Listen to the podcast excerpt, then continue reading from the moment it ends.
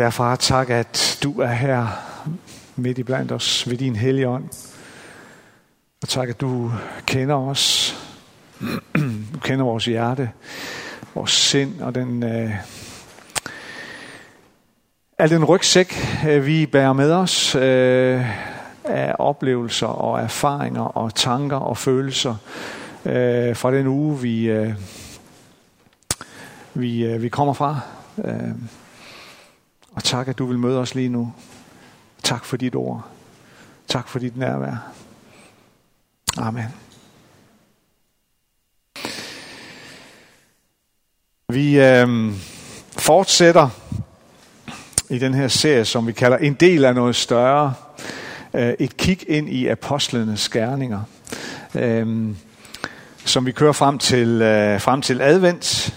Og øh, når vi når derhen, så så ved I godt, så bliver det, øh, så bliver det jul, og så bliver det, så bliver det andre ting, vi retter vores fokus imod. Men, øh, men frem til advent, så handler det om det her med, at vi er en del af noget større. Det at være en, det at være en kirke, det at være efterfølger af Jesus, det er at være en del af noget større. Øh, meget større end os selv. Øh, meget større end hvad der lige behager mig, eller hvad, hvad jeg vil prioritere, eller øh, sådan som jeg gerne vil have det, eller øh, hvordan vi ellers Øh, hvad vi ellers sådan synes, vi kan, vi kan fylde i, det er, det er meget større. Det er at være kirke øh, og være et fællesskab for dem, som endnu ikke er en del øh, af fællesskabet. Øh, det er... Øh, det er en fantastisk dimension af kristenlivet, og en vigtig dimension, som vi aldrig nogensinde må glemme, øh, og som vi altid skal have et fokus på.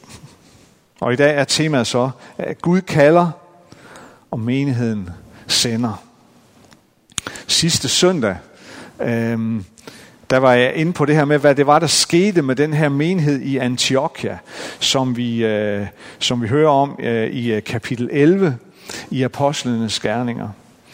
Øhm, det der er helt fantastiske, der sker, øh, hvor der kommer nogle øh, Kristus efterfølgere, de flygter fra Jerusalem hvor der er udbrudt en forfølgelse. Og de bliver spredt ud over et øh, stort område. Men der kommer altså nogle af dem til Antiochia. Øh, og øh, de slår sig ned øh, på flugt i den her pulserende kosmopolitiske storby Antiochia. Det var den tredje største by i hele Romeriet. Næst efter Rom og Alexandria, så var Antiochia den største.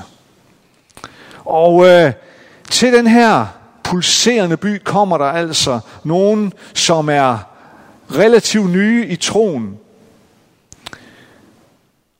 Og da de finder ud af, at det er her, de skal være, jamen så, så gør de det, som til syneladende er den mest naturlige ting i verden for dem.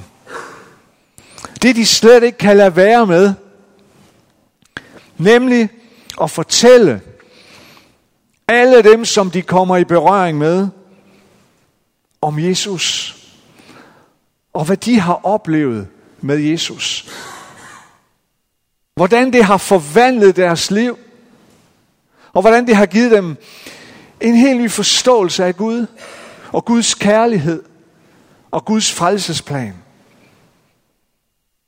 Og så udbryder der en, en vækkelse i den her storby Antiochia. Antallet af, af, af, af nye Kristus troende, det vokser helt eksplosivt. Og det bemærkelsesværdige er, at det, det fortrinsvis sker blandt hedninger, altså blandt ikke-jøder. Indtil nu, så det der sådan er sket med, med, med den kristne menighed, det er fortrinsvis sket blandt jøderne, fordi det var dem, de gik til. Men her ved Antiochia, så sker der noget.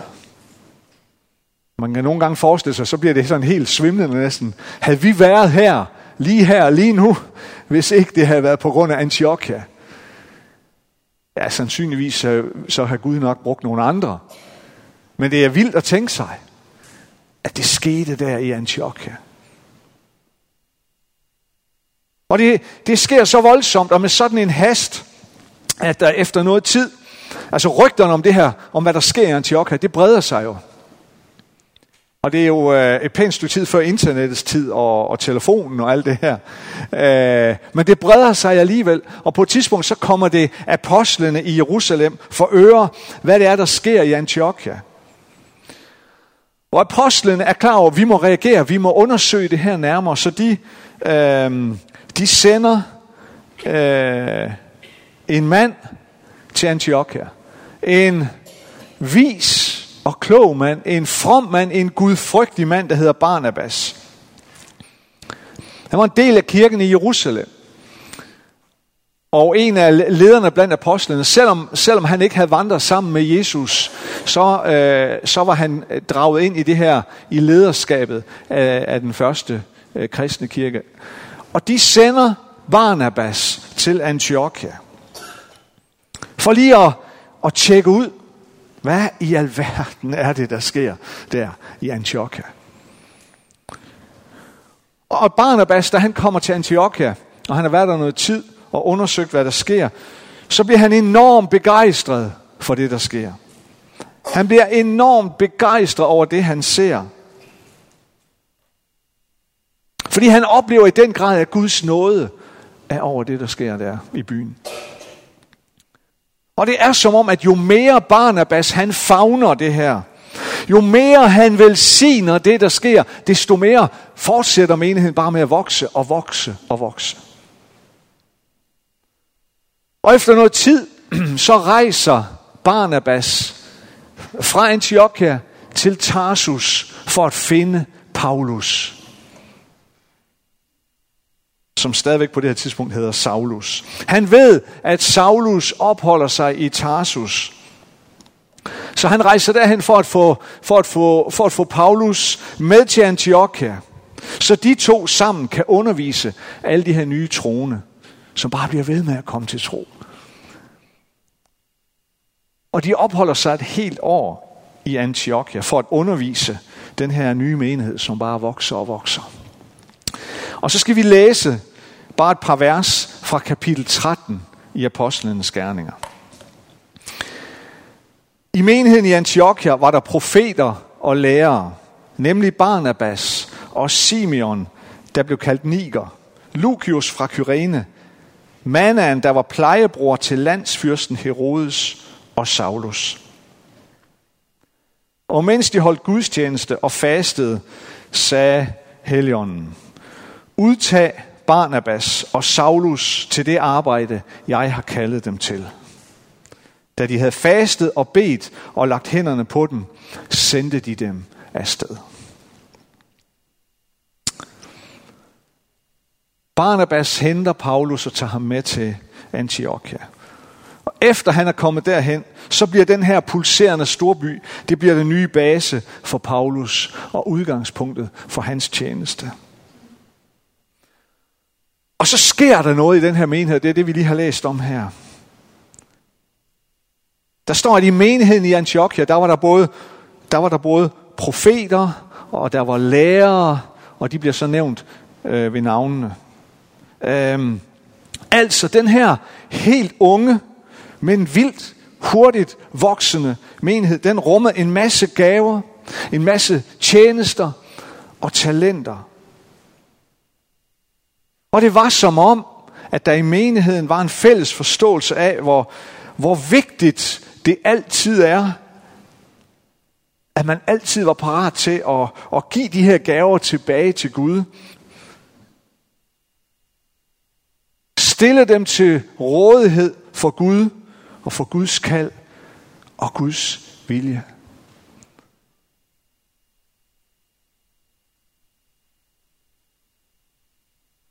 Og så sker der det, at menigheden er i en tid med faste og bøn. Og under den her tid, så hører, øh, så hører de, at Helligånden taler til fællesskabet. Helligånden siger til dem under en samling på en eller anden måde, udtag Barnabas og Saulus, altså Paulus, til det arbejde, jeg har kaldet dem til.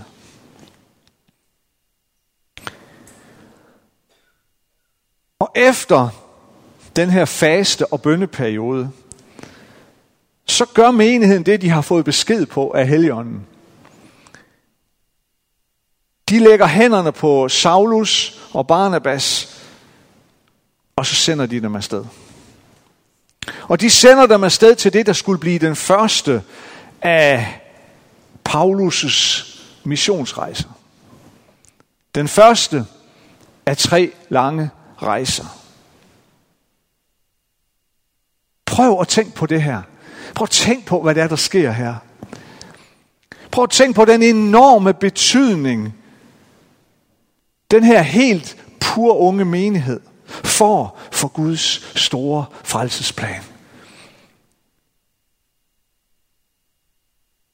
Det bliver dem, det blev den menighed, som hørte Helligåndens røst om at sende Paulus og Barnabas afsted på den første af flere rejser, som kom til at forandre verden. Det skete lige der, i den helt unge menighed.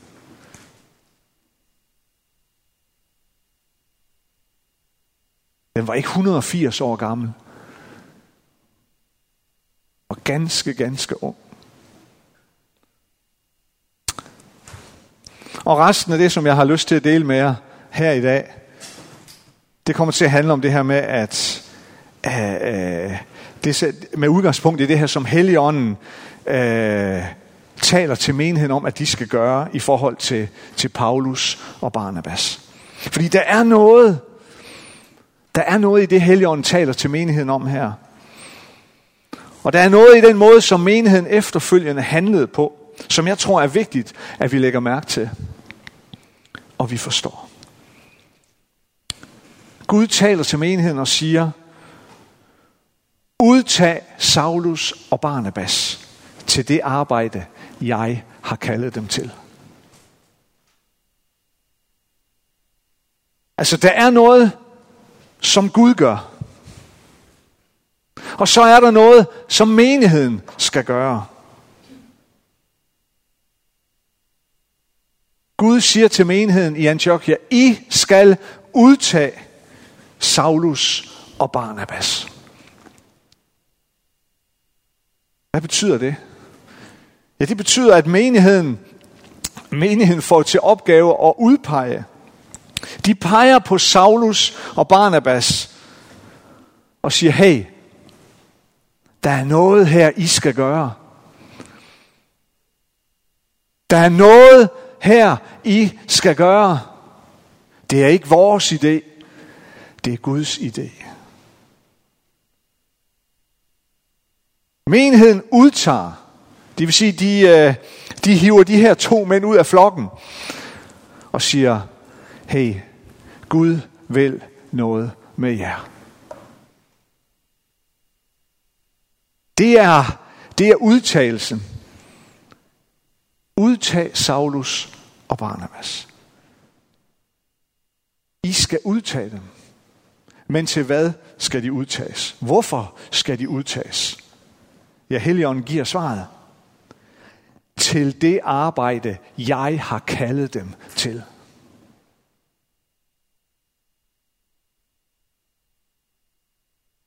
Altså Gud har kaldet Saulus og Barnabas. Gud har en plan. Han har et formål. Og det har været besluttet længe hos Gud, uden tvivl. Og nu er tiden kommet. Og så fortæller Gud om sin plan. Så åbenbarer Gud sin plan for menigheden. Og siger, jeg har en plan med de to der. Og det skal I gøre noget ved. I skal udtage dem og I skal sende dem.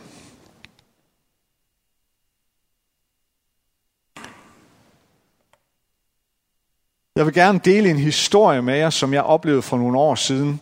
Jeg har delt den før, øh, og jeg har i hvert fald også, ved jeg, delt den, eller sagt den i et, et, øh, i et interview øh, en gang, hvor jeg blev interviewet til øh, et baptistblad øh, her til lands. Øh, så, så mange af jer har, har sikkert hørt det her før, og det er helt okay.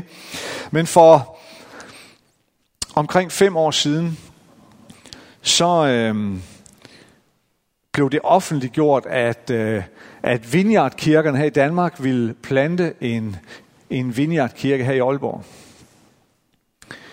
Og øh, da det var blevet offentliggjort et stykke tid efter, så øh, blev jeg øh, opsøgt af, øh, ikke samtidig, men i to tilfælde, opsøgt af to forskellige øh, par her fra menigheden, som kom til mig uafhængigt af hinanden og sagde, Lars, vi øh, føler, at Guds kald over vores liv, det er, at vi skal være med til at plante den her nye øh, kirke, der nu skal starte i Aalborg, og dermed også øh, forlade Belkirken.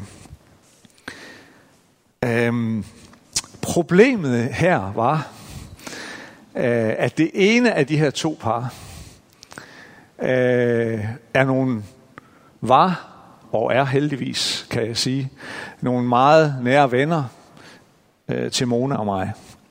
Nok nogle af de bedste, vi har. Øh, og så blev det pludselig svært. Så gjorde det ondt.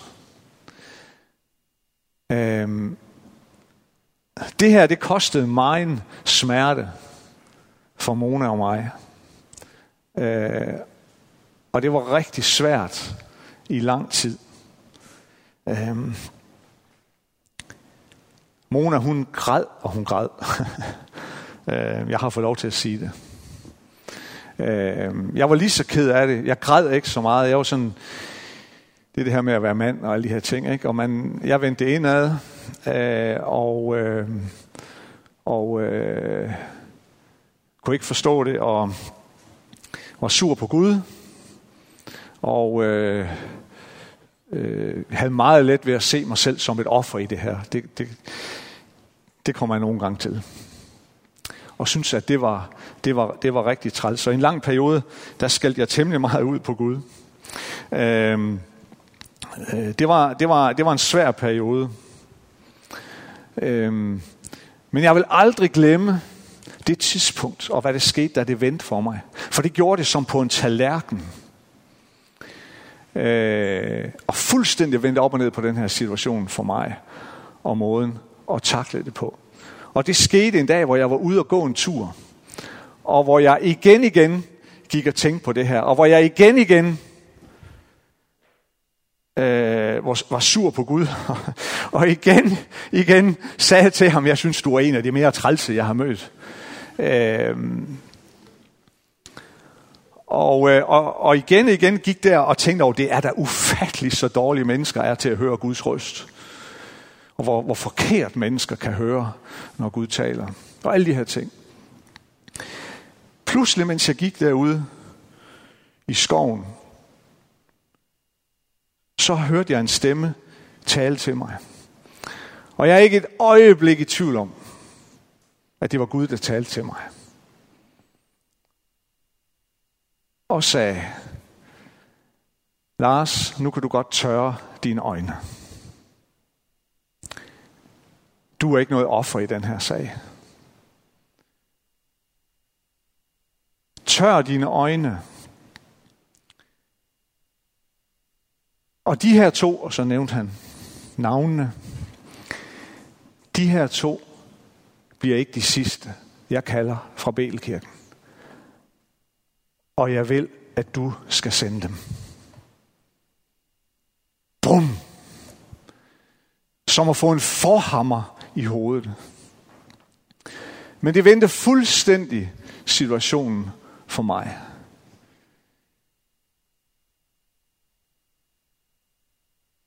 Pludselig kunne jeg fagne det her. Og mit syn på det ændredes øh, momentant. Og det var sådan et konkret og meget tydeligt eksempel og det gik jo virkelig op for mig det her. Lars, den her kirke er ikke din kirke. Det er Guds kirke. Og Gud bliver ved med at kalde, hvad enten jeg ved det eller ej. Gud bliver ved med at kalde, for det er hans kirke.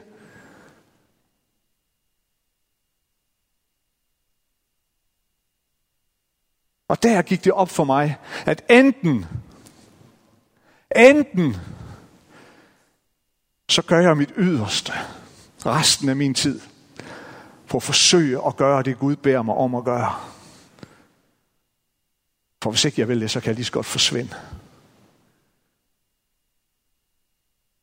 Og det vendte det hele for mig. Det er ikke mig, der bestemmer. Det er ikke dig, der bestemmer. Det er vores himmelske far, der bestemmer. Det er hans kirke. Det er ham, der kalder. Men vi sender.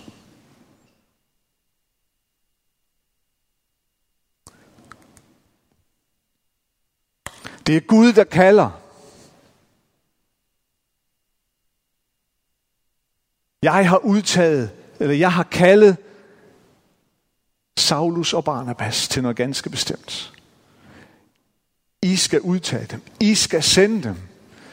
Det var den her klare besked til menigheden i Antiochia. Ser du den her arbejdsfordeling? Forstår vi den her arbejdsfordeling? Fordi det er fuldstændig den samme i dag. Ser du den her dobbelthed i processen, som er den virkelighed, vi som hans kirke på jorden stadigvæk arbejder under? Jeg har kaldet Saulus og Barnabas til at rejse verden tynd. I skal sende dem, kære menighed. Der er sådan, der er sådan en, todelt, øh, en todelt proces. Gud kalder, vi sender. Og i den, i den todelte proces, der er der jo en indbygget skrøbelighed. Hvis man kan sige det på den måde. Skrøbeligheden ligger i, at Gud involverer det menneskelige aspekt i den her todelte proces. Man kan sige, at den sikre del, den stabile del, det er jo det, som Gud tager sig af. At det er Gud, der i sin guddommelige visdom og indsigt vælger og kalder. Det er det sikre udgangspunkt. Men så kommer der den del, der involverer os mennesker. At lytte til Guds stemme. At identificere hans kald og være villig til at føre hans vilje ud i livet. Det er der, det bliver skrøbeligt og sårbart. Når vi skal være parate til at lægge hænderne på mennesker, som han så sender, og sende dem afsted.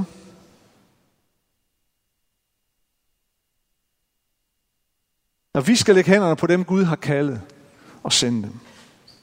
Med al vores velsignelse og al vores støtte, både praktisk og åndeligt, til de her mennesker. Det er jo her i skrøbeligheden ligger. Simpelthen fordi vi er mennesker.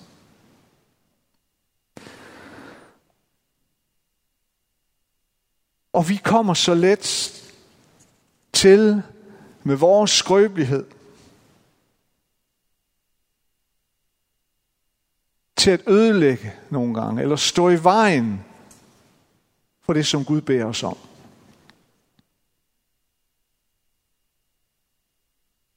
Vi får ikke at vide, hvordan Antiochia-menigheden reagerede,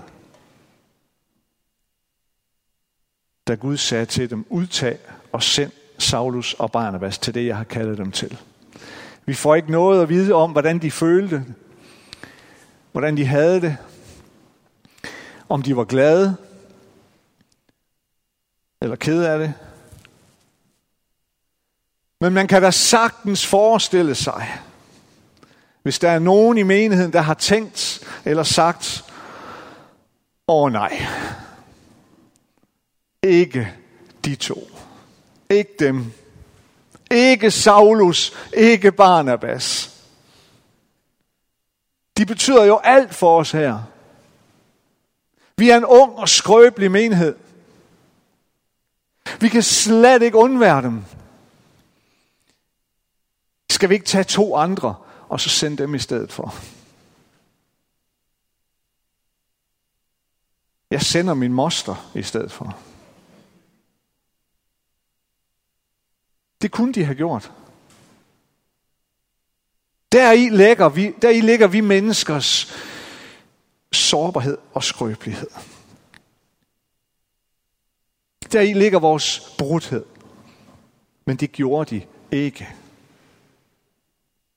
De betalte den pris, det indebar at skulle tage afsked med to så vigtige mennesker i deres menighed.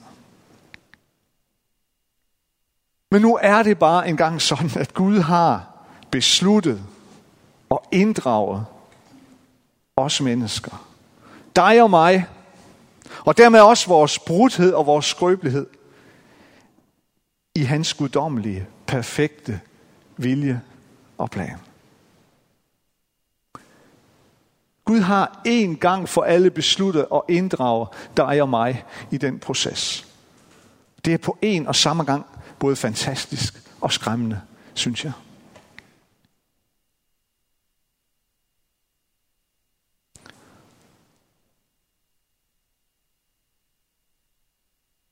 Jeg tror aldrig, jeg kommer til at kunne slippe den oplevelse, jeg havde der for nogle år siden. Lars, de her to, de bliver ikke de sidste, jeg kalder fra Bælekirken. Og jeg vil, at du skal sende dem.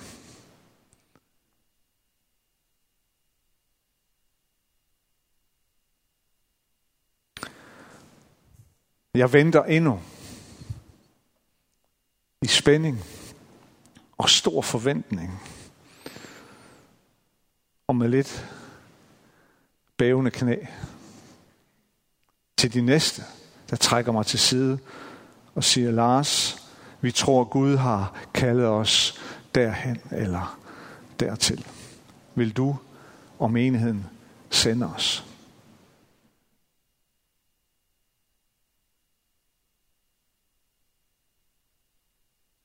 Hvem er det?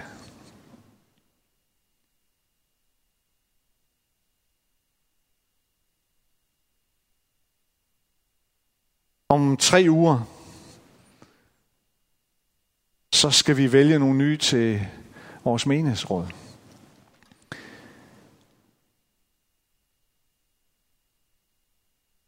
Vi har faktisk brug for en, en del den her gang. Det ved I godt, hvis I har fulgt lidt med.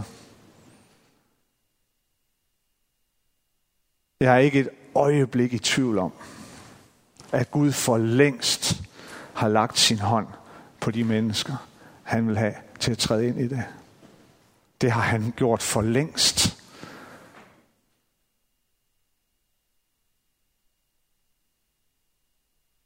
Spørgsmålet er, om du, spørgsmålet er, om de mennesker vil lytte til det kald.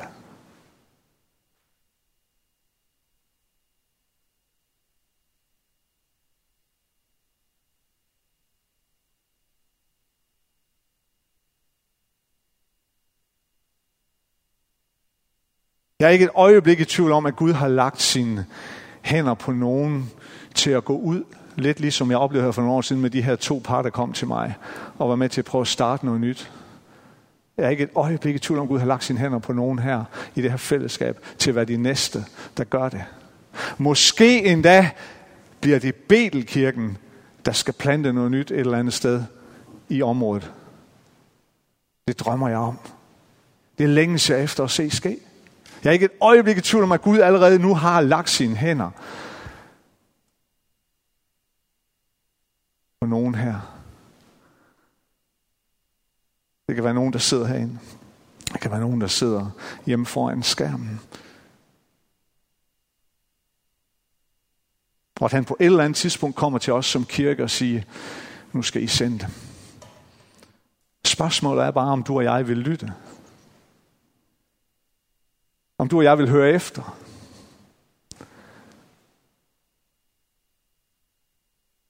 Det er det store spørgsmål, som Gud altid udfordrer os på.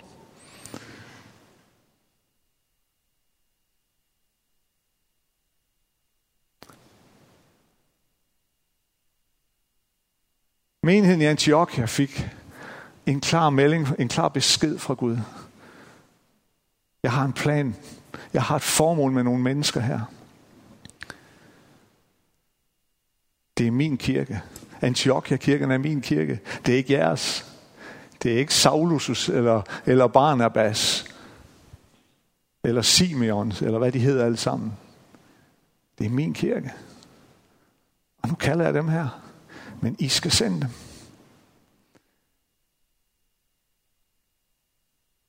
Det er den her todelte proces, vi kaldes til at være en del af. Det er en del af det at være kirke.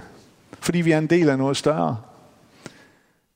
Og det er ham, der orkestrerer sin frelsesplan. Og for det er hans kirke.